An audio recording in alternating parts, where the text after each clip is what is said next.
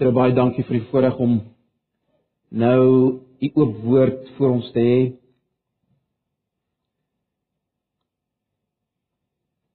Dankie dat ons u kon aanbid. U wat waardig is om aanbid te word. Ag Here, so wonderlik om u te aanbid. Dankie dat ons kan weet dat ons aanbidding is vir u aanvaarbaar op grond van Jesus Christus. Nie op grond van enigiets in onsself nie, want ons is diep bewus van ons gebrokenheid ook vanoggend.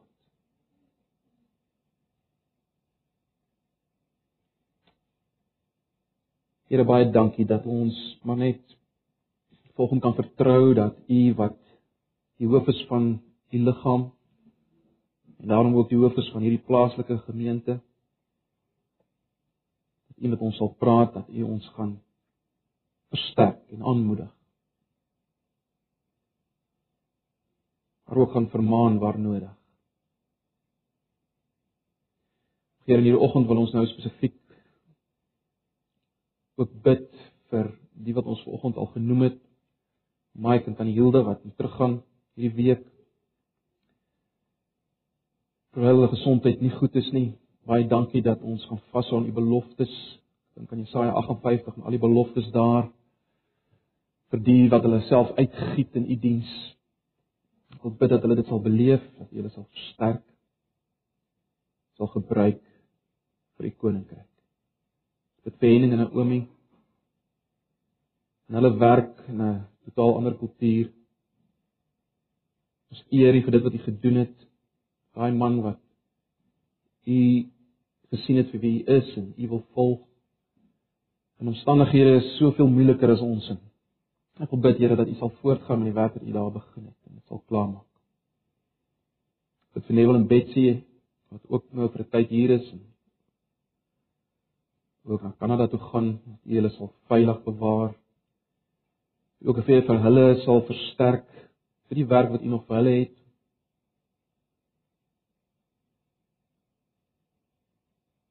Kamalawi, hoe lank dit ook mag wees. Here, rus hulle toe.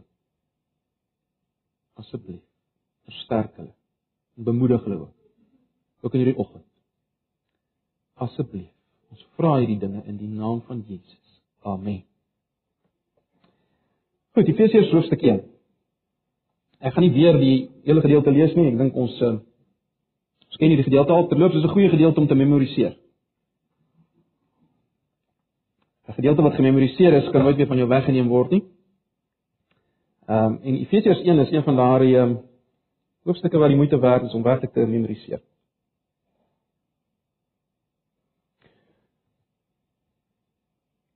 Kom ons lees dit vanaf vers 12.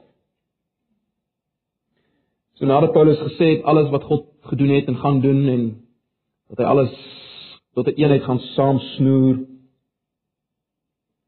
dat hy alles gebeur of dat hy alles laat gebeur volgens sy raadsbesluit en anderswoorde dit wat hy die lewende God self besluit. Wil sê dis nie 'n vorm buite homself waarna hy hoef te kyk nie, hy self is die ewig besluitende God. En dan in vers 12 Ek lees maar die 83 vertaling. Daarom moet ons die eerstes wat ons hoop op Christus gestel het, die grootheid van God prys. Deur Christus het ook julle deel geword van die volk van God.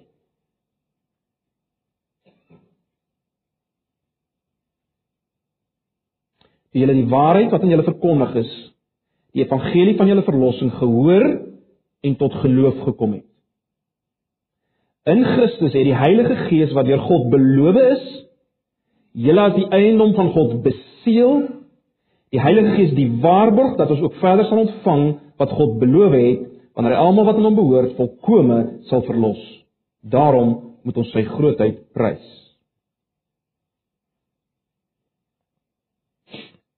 Ek wil tog net wys op die ehm um,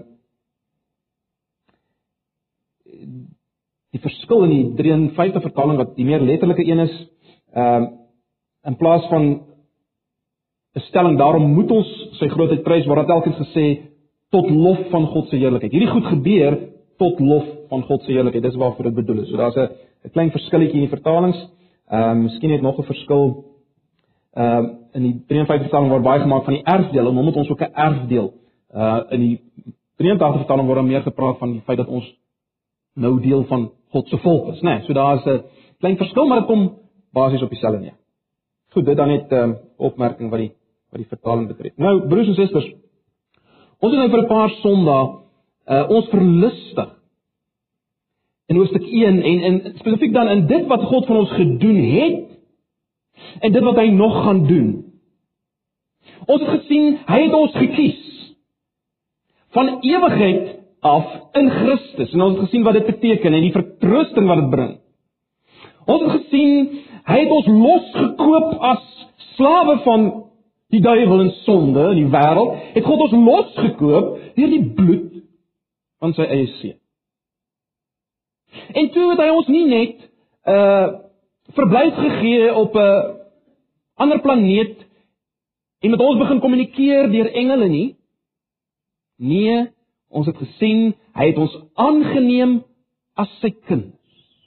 Die ongelooflike, onbeskryflike waarheid van aanneming. Nou daarby het ons lank stil gestaan. Dis 'n geweldige ding. God neem ons aan as sy eie kinders met alles wat dit behels. En toe het ons gesien verlede Sondag dat God ook beplan vir die toekoms om uiteindelik ons almal eintlik alles in die hemel en op aarde te verenig onder een hoof, Jesus Christus, die een wat sy bloed vir ons gegee het. Dis die een onder wie ons verenig gaan word. 'n een eenheid gaan vorm met geen stryd meer geen gebrokenheid wat ons nou beleef nie. Ons gaan 'n een eenheid wees onder Jesus as ons hoof. Dis waarna toe God op pad is. So ons het hierna gekyk. Dis dis verbuisterende dinge wat God gedoen het en nog gaan doen. Uh dinge wat ons lewens behoort te verander in permanente lofprysing. Né? Nee, behoort ons te verander in lofprysende aanbiddende mense elke dag. Maar nou broers en susters, ek dink nie ek is verkeerd dat hier tog nog steeds van ons sit. Baie Christene sit met 'n vraag en 'n knaande vrees. En die vraag en knaande vrees is dit. Maar is dit is dit regtig so so goeie nuus? Gaan ek dit regtig maak? Uh, skep ons nie hier 'n valse gerusheid? Kan ons regtig God vertrou dat hy ons daar gaan bring? Gaan ek dit maak? Is daar nie baie waarskuwings dat hy ons kan los as ons nie ons kant bring? En ek self as ek kyk na my eie gebrokenheid en swakheid Ja, ten spyte van al hierdie goed wat ons gesê het, is daar tog nog hierdie hierdie onsekerheid, maar Is dit regtig so seker? Is dit regtig so vas? En broers en susters, dit is hoekom ek vanoggend nog 'n tydjie wil spandeer op op Efesiërs 1. Ek wil vanoggend 'n stelling maak en dit verduidelik. En hier is die groot stelling. Hier is die stelling.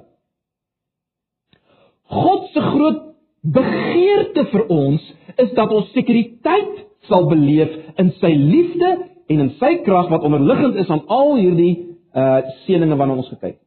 Met ander woorde, God begeer dat ons sal weet dit is vas. Hy wil hê ons moet sekuriteit beleef in sy liefde. Dis die stelling wat ek wil maak. Kyk, enigiets anders in ons lewens mag baie onstabiel wees volgens. Ons gesondheid, ons familie, ons werk,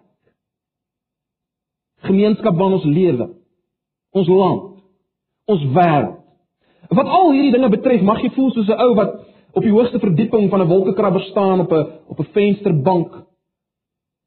En daar's 'n geweldige uh onvoorspelbare wind wat rondom jou waai. Jy mag dalk soms voel selfs asof jy balans verloor het en jy gryp en as jy gryp na hierdie gebou dan breek die stukke sement uit die mure. Kyk, ons moet van die begin af dit duidelik weet en verstaan. wat ons lewens betref as Christene. Ons moet weet broers en susters, dat die oomblik as jy Jesus begin volg deur die geloof, teken jy as te ware jouself in vir die gevaarlikste werk in die wêreld. Jy het as te ware die werk van 'n ou wat daar die boonste verdieping van die wolkekrabber werk. Nie fout maak. Paulus wat hier vir ons skryf in Efesiërs, uh, ek het julle gesê op die oomblik as hy hier skryf, is hy onder huisarrest, hy's in gevangenis. In Romeine 8 noem hy die volgende dinge in vers 35 tot 36. Hy praat van lyding. Hy praat van benoudheid. Hy praat van vervolging. Hy praat van honger. Hy praat van naaktheid. Hy praat van gevaar. Hy praat van swaar. Hy maak selfs die volgende stelling. Hy sê dis oor U dat die dood ons dag vir dag bedreig dat ons so slagskape behandel word. Nou ons mag nie presies in dieselfde op dieselfde manier as Paulus beleef nie, maar broers en susters, dis deel van 'n kind van God se lewe. So ek sê vir die bekeerling daar waarmee Henning nou werk op 'n ander manier dalk as ons, maar dis deel van van Christen wees. Uh luister net na na Paulus se se biografie, 'n kort opsomming van sy biografie in 2 Korintiërs 11 vanaf vers 25 tot 28. Luister maar net.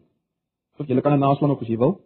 2 Korintiërs 11 25 tot 28. Luister wat sê Paulus. Hy sê: "Drie maal het ek lyfstraf gekry en eenmaal is ek met klippe gegooi. Drie maal het ek skibreek gelei en eenmaal het ek 'n dag en nag in die oop see deurgebring." Ek was dikwels op reis en in gevaar. Daar was gevare van riviere, gevare van rowers, gevare van my volksgenote en gevare van heidene. Gevare in die stad en gevare in die veld. Gevare op see en gevare onder valse broeders. Daar was my harde werk en swaar kry. Dit was nagte sonder slaap. Dit was honger en dors. En dit was was ek sonder kos, sonder skuilings of bedekking teen die koue. Behalwe dit alles wat daar was daar nog die daaglikse bekommernisse. Die besorgdheid oor al die gemeentes.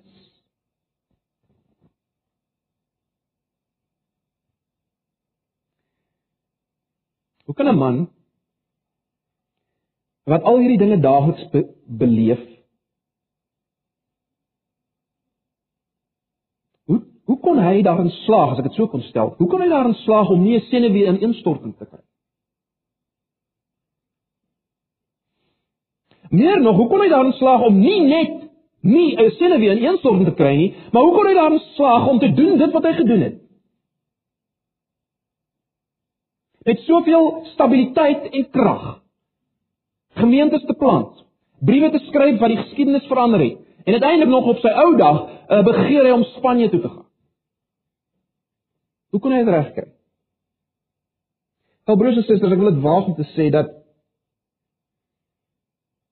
Die stabiliteit en die krag van die apostel Paulus het sy oorsprong gehad in 'n groot ontdekking. Wat is die groot ontdekking wat onder dit alles lê? Wel, die stelling wat ek net nou gemaak het, naamlik God se begeerte vir sy mense is dat hulle veilig sal voel, sekuriteit sal beleef in sy liefde en krag, selfs al is al die dinge rondom jou, al die dinge in die wêreld onseker. God wil hê jy moet Hy wil dit hê, hoor jy dit? Hy wil hê jy moet sekuriteit beleef in sy liefde en krag, al is al die dinge rondom jou onseker. Maar dit bring ons nou terug. Of kom ons stel dit so. Dis wat ek graag wil hê ek saam met julle moet volgens beleef. En dis waarvoor ek na hierdie gedeelte gaan kyk. En my begeerte is dat ons dit sal voel as te ware vir oggend as kinders van God. Maar goed. Terug nou by ons vrees en ons vraag. Ek het gesê ons almal sit met 'n vreesende vraag. En ek dink nie ek is verkeerd broers en susters dat of as ek so as ek dit so stel dat dat die groot struikelblok in die in die pad van ons sekuriteit in God se liefde en krag is jy sekere skrifgedeeltes. Sekere gedeeltes in die skrif wat vir ons voel asof hierdie gedeelte bedreig juis die sekuriteit wat ek in God se liefde beleef. Net soos ek begin iets van 'n sekuriteit beleef in God se liefde en sy krag vir my, die veiligheid wat ek in hom het. Dan lees ek 'n gedeelte en voel dit vir my hierdie gedeelte sê presies die teenoorgestel. Dit beroof my oënskynlik van die sekuriteit in God.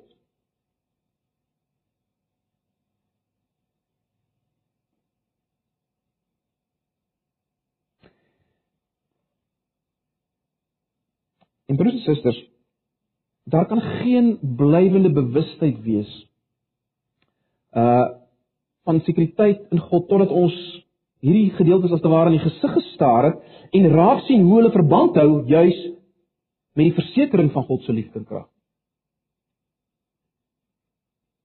Ons moet na hierdie gedeeltes kyk en ons moet sien hoe hou dit verband met sekuriteit in God se liefde en krag.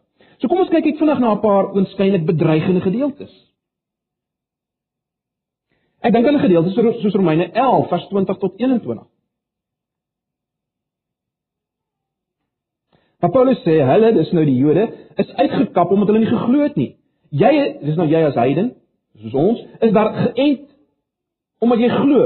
Moenie daaroor hoogmoedig wees nie, hou rekening met God, want as hy die natuurlike takke nie ontsien het nie, sal hy jou dalk ook nie ontsien nie. Die hele gedeelte sê so hy gaan jou dalk ook afbreek. Ek dink aan 'n gedeelte soos 1 Korintiërs 10 vers 12. Daarom wie meen dat hy staan moet oppas dat hy nie val nie. In Hoofstuk 15 van 1 Korintiërs vers 2 lees ons: "Hierdie evangelie word julle ook gered as julle vashou aan die boodskap soos ek dit aan julle verkondig. As julle aan iets anders vashou, het julle te vergeefs tot geloof gekom." Ek dink aan Kolossense 1 vers 21 tot 23.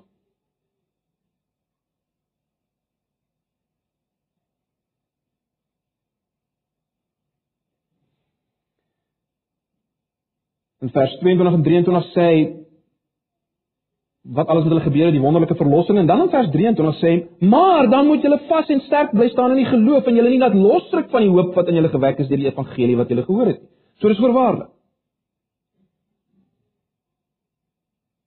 Hebreërs 12 vers 14 sê: "Beywer julle vir vrede met alle mense as ook vir 'n heilige lewe, waarsonder niemand die Here sal sien nie."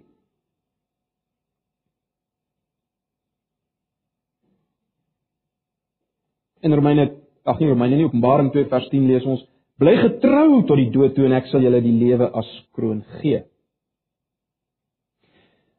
Nou, al hierdie gedeeltes, broers en susters, leer natuurlik dat die toets vir die egtheid van Christen wees lê in volharding in geloof en heiligheid van lewe.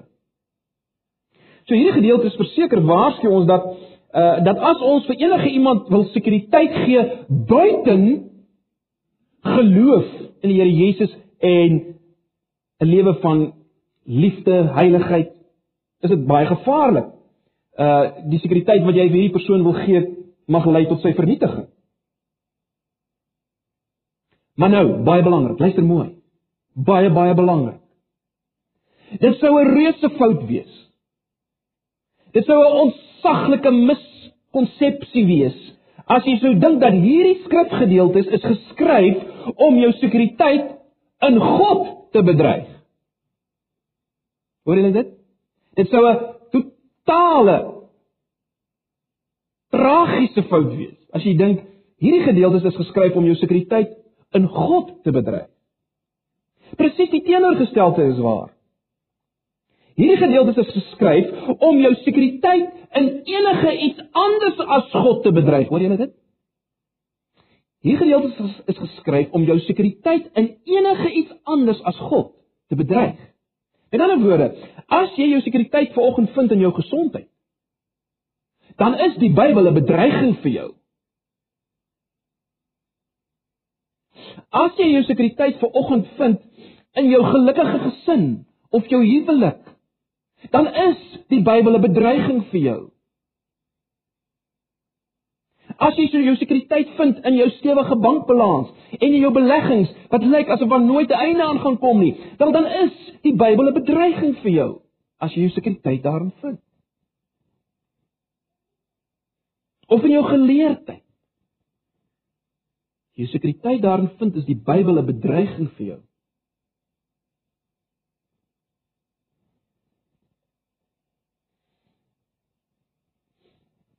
En broers en susters, in in hierdie bedreiging van al hierdie dinge wat totaal ontoereikende fondasies van sekuriteit is, in die bedreiging van al hierdie dinge, al hierdie sekuriteit, in dit alles dryf die Bybel ons doelgerig en liefdevol terug na die enigste en ewige onwankelbare fondasie vir sekuriteit, naamlik God. God self. Jy sien al hierdie bedreigings en waarskuwings van die Bybel. Wat sê dit eintlik vir ons? Al hierdie bedreigings en waarskuwings waarvan ons nou 'n paar gelees het. Dit alles verklaar eintlik net met een stem en dis dit. Sonde. Sonde is 'n poging om sekuriteit te beleef in enige iets anders as God. Dis sonde. Jy het al ooit so daaraan gedink? Sonde is om sekuriteit te beleef in enige iets anders as God. Of om dit te soek daar, as ek dit so miskien beter te stel.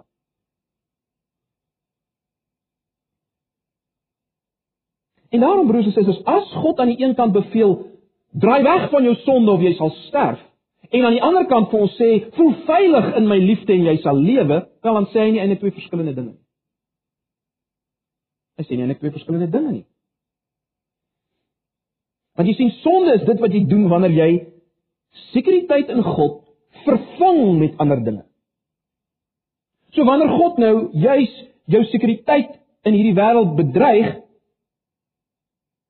wil hy hê jy moet veilig voel in sy liefde en krag.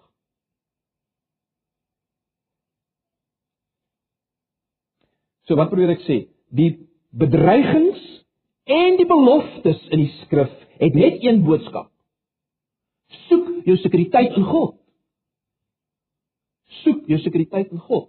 So beide die bedreigings en die beloftes het daai een groot boodskap: soek jou sekuriteit in God. En dit moet ons hoor. Maar nou wil ek hê ons moet kyk na hierdie verse wat ons gelees het. Want hier het ons seker een van die duidelikste stellings wat aandui dat God se begeerte, weet wel, dat God se begeerte vir sy mense is dat hulle sekuriteit sal beleef in sy liefde en krag. Dis van die gedeeltes wat sekerlik die duidelikste hieroor is. Hierdie Efesiërs 1:12 tot 14. En ek wil 'n paar stellings hier maak en julle sal dit sien op julle noot uh preek raamwerk. Die eerste punt wat ek wil maak is dit. Wat ons hier moet raak sien is dat God absoluut verbind is aan sy doel om homself te verheerlik. Ek het dit al genoem, ek noem dit weer. God is absoluut verbind aan sy doel om homself te verheerlik.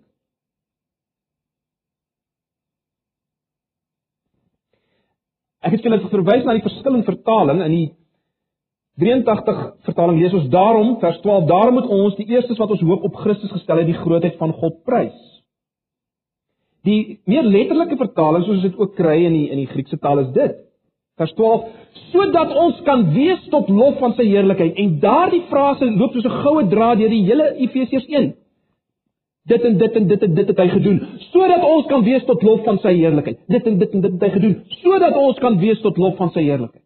Jy sien dis God se groot passie. Hy moet verheerlik word. Hy doen alles. En hy het alles gedoen en hy sal alles doen vir sy eie lof en sy eie eer, want dis die hoogste goed in die heelal. Ons moet dit verstaan. Ons moet dit verstaan. Hy's verbind daartoe. So alles wat hy doen en nog gaan doen, doen hy sodat sy mense hom kan prys en loof. Maar die oomblik as dit gebeur, vind volmaaktheid plaas as ek dit so kan stel. Dit bring ons by 'n tweede ding wat ons moet raak sien in hierdie verse. En dit is dat die mense wat hier te sprake is, die mense aan wie God al hierdie dinge beloof het, waarna ons nou gekyk het, is wie? Dit is die wat die evangelie geglo het. sien julle dit? In vers 13 sien ons dit, né? Julle die evangelie van julle verlossing gehoor en tot geloof gekom, die laaste gedeelte van vers 13. So hierdie mense aan wie die beloftes gegee word, is mense wat die evangelie geglo het. Nou, dit is baie belangrik om te besef daar's 'n direkte verbintenis tussen die glo van die evangelie.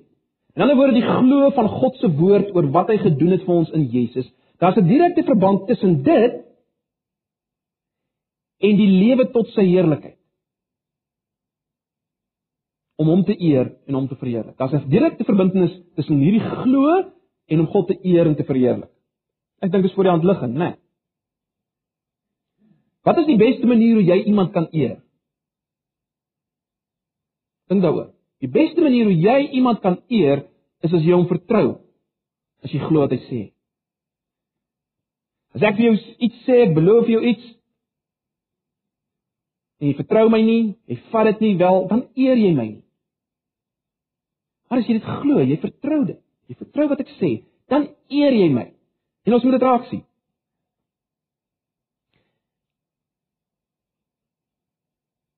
Wat nou belangrik is, dink daaroor.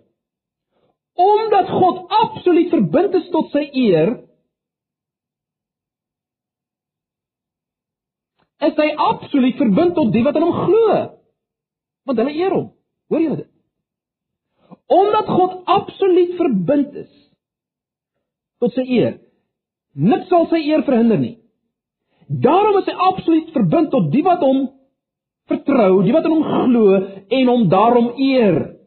Hy's absoluut verbind tot hulle omdat hy verbind is tot sy eer. Is hy verbind aan jou? Aan jou as jy glo, want dan eer jy hom. Hy's verbind tot jou. Ons moet dit verstaan. En dan volg die logiese volgende ding, né? Nee. Dis wat jy sou verwag. As dit so is, as alles as God alles doen vir sy eer en sy lof.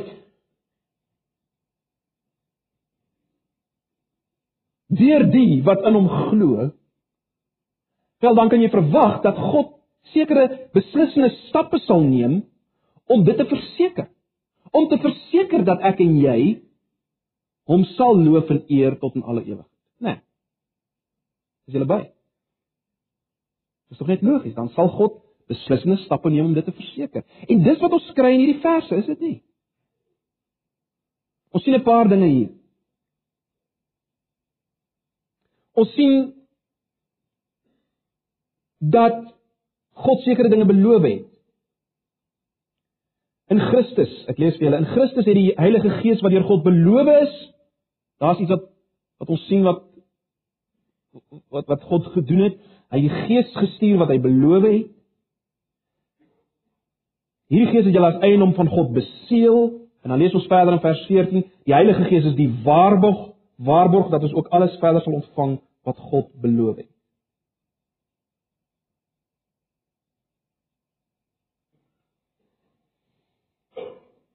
Dis al die dinge wat God gedoen het om te verseker dat ons uiteindelike verheerliking van hom nie afhang van wat ons doen nie, ons krag en ons prestasie nie, want dan was sy eer op die spel, jy sien?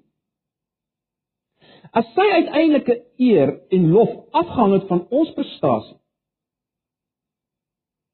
en ons getrou het, dan kon dit gebeur dat niemand hom uiteindelik gaan loof en prys nie. Dit sal God nie toelaat.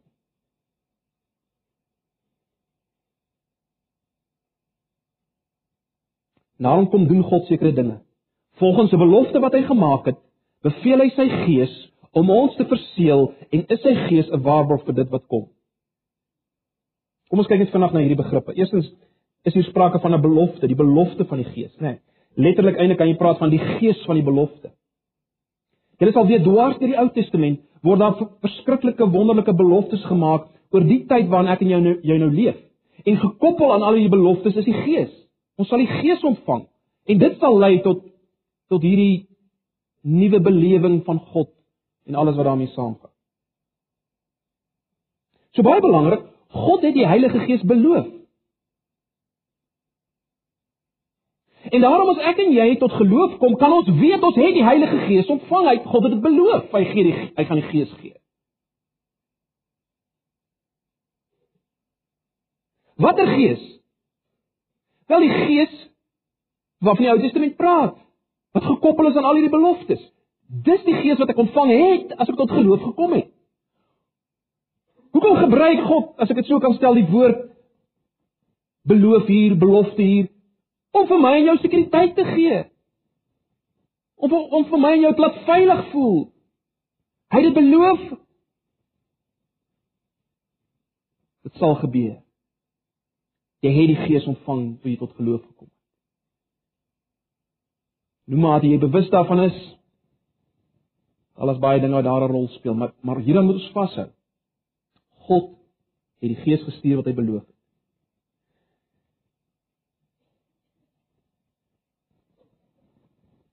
En wie dit wat beloof het? Dis God, die een wat nie kan lieg nie. Die God, die een wat nie kan lieg nie, dit beloof en dit gee vir ons geweldige sekuriteit, né? Nee, dit gee vir ons geweldige sekuriteit. Maar wat beteken die woordjie seël? Hy het ons verseël. sien julle dit? Of beseël, die 83 vertaling praat van beseël, die 53 vertaling vertaling praat van verseël dink ek. In Christus het die Heilige Gees wat deur God beloof is, julle as die eiendom van God beseël. Vers 13 se einde. Nou daar's drie verskillende maniere in die Nuwe Testament hoe hierdie woord verseël of beseël gebruik word en hieruit kan ons aflei wat Paulus hiermee bedoel. Uh ons sien byvoorbeeld in Matteus 27 vers 66 dat Jesus se graf uh is beveilig deurdat dit verseël is en wagters daar rondom geplaas. Jesus se graf is verseël, beseël dieselfde woord word gebruik. In Openbaring 20 vers 3 lees ons dat uh, uh Johannes sien daar dat God die die Satan in 'n put gooi en dan vers, verseël hy die put. Selfde woord. So ons ons sien hier die betekenis van verseël is om om om om te sorg dat iets nie kan in of uitgaan nie, né? Gedagte van veiligheid. In Romeine 4 vers 11 uh word Abraham se besnydenis beskryf en dit word genoem 'n teken en 'n seël van die geregtigheid wat hy deur die geloof gehad het. In 1 Korintiërs 9 vers 2 gebruik Paulus dieselfde woord as hy uh sê dat sy bekeerlinge sy bekeerlinge, luister mooi, is die seël op sy apostelskap. So wat is die betekenis hier van seël? Wel, die hele gedagte van uh egtheid, né? Nee, dit dui op egtheid. En dan 'n derde betekenis vind ons in Openbaring 7 vers 3 waar die seël van God op die voorkoppe van God se diensknegte geplaas word. Die seël van God word op die voorkoppe van sy diensknegte geplaas en daarom natuurlik die hele gedagte is om hulle te beskerm van die duiwel en sy mag. Niks en niemand kon die wat beseël is op hulle voorkoppe aanraak nie. Beskerming, né? Nee, dis die hele gedagte. So so broers en susters, wat bedoel Paulus as hy sê ons is deur die Heilige Gees verseël? Wel, verseker beteken dit dat die Gees ons by wyse van spreuke toemaak Hy hou geloof binne en ongeloof en afvalligheid word buitegehou. Dis wat die Gees doen. En verder meer is die Gees 'n teken van egtheid. Hy is daai teken. In ander woorde, as daar enigsins sprake is van die Gees se werk in jou lewe, dis God se handelsmerk. Dis 'n bewys dat dat jy eg is, dat jy aan God behoort, dat alles waar is. Hoef nie aan te twyfel. En derdens natuurlik uh as die Gees ons merk met God se seël, dan beskerm hy ons van die bose magte. Uh Die duiwel kan niemand binnegaan wat die Gees van God het nie. Hy beskerm ons. Hy is die seël. So, ek dink dit is baie duidelik, nee, die hele gedagte van van veiligheid en sekuriteit lê in hierdie woord. Die Heilige Gees ons verseël of beseël het. Beteken dit ons is veilig in God se liefde en krag. Ons is veilig in God se liefde en krag. Uh God stuur die Gees as 'n as 'n as 'n seël om ons toe te maak, ons geloof te bewaar, uh as egtheid om ons seenskap te bewys, as beskerming teenoor al die vernietigende magte van buite. En wat sê dit vir ons as God dit sê? As God hierdie term gebruik, seël, hy wil hê ons moet verseker wees. Hy begeer dat ons sal seker wees van sy liefde vir ons. Hy begeer dit vir ons. Wat beteken die woord waarborg? Die Heilige Gees se waarborg. Baie vinnig ons weet dit. Ehm uh, Vandag nog as uh, jy wil waarborg dat iemand vir jou die volle bedrag gaan betaal, dan moet hy 'n eerste paaiement betaal, né? Nee. Die eerste paaiement is die waarborg dat hy alles gaan betaal.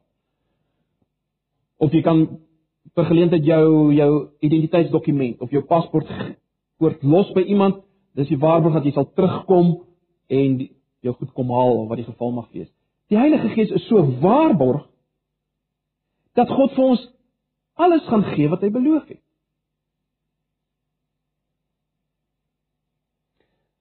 Die punt is broers en susters, wat sê God vir ons as as, as hy sê die Heilige Gees is so waarborg? Wel hy sê weer vir ons, dis my begeerte. Dis my begeerte dat jy wat in my glo sal veilig voel in my liefde. Dis wat hy sê deur daai woord. Ek het jou gekies voor die grondlegging van die wêreld. Ek het jou bestem om jou as my kind aan te neem. Ek het jou losgekoop deur my bloed van sonde en van die duiwel. Ek het dit gedoen. Jy is op pad om deel te wees van 'n nuwe mensheid onder Jesus Christus waar hy alles sal wees en in almal op 'n nuwe aarde. En ek het my gees in jou gegee as 'n seël en 'n waarborg dat dit sal gebeur dat jy hierdie erflating sal kry en my sal loof tot in alle ewigheid. En God sê as te ware vir ons broers en susters, ek ek ek het toegelaat dat dit hier in Efesiërs 1 geskryf word, moet ek wil hê jy moet veilig voel in my liefde en my krag.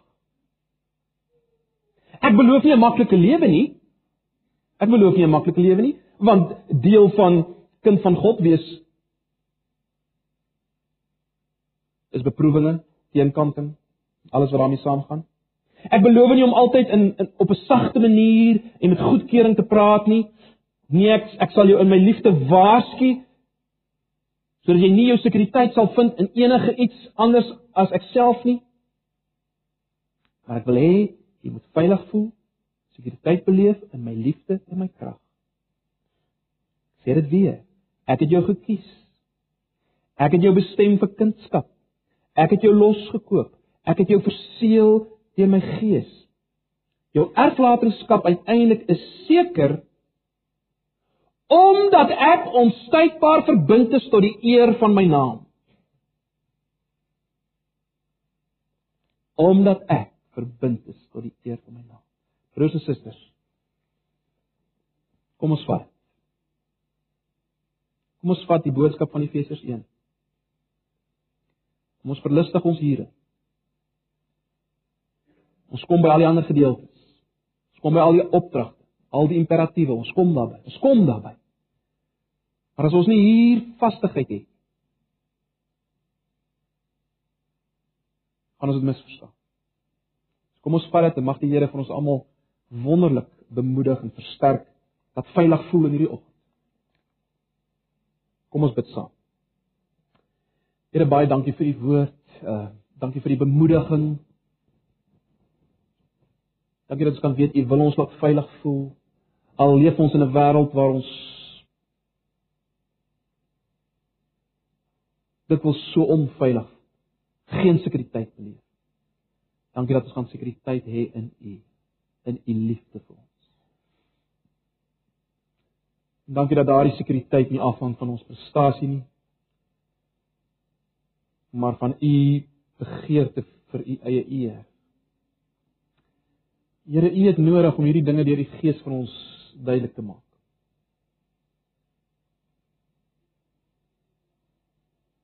Ons wil kom bely dat ons dikwels ons sekuriteit maar weer wil soek in ander dinge. En Here, volgens ons het ons gesien u bedreig dit. U wil dit wegvat van ons. U waarsku ons daaroor. Nou wil ek bid vir elkeen wat volgens hier sit wat miskien in hierdie posisie is dat hy of sy al meer en meer sy of haar sekuriteit vind in enigiets anders as U dat hulle ver oggend sal terugvlug in U arms. Sal wegdraai van al die ander dinge. Asseblief. Ons vra dit in Jesus se naam. Amen sluit af met 'n laaste lied.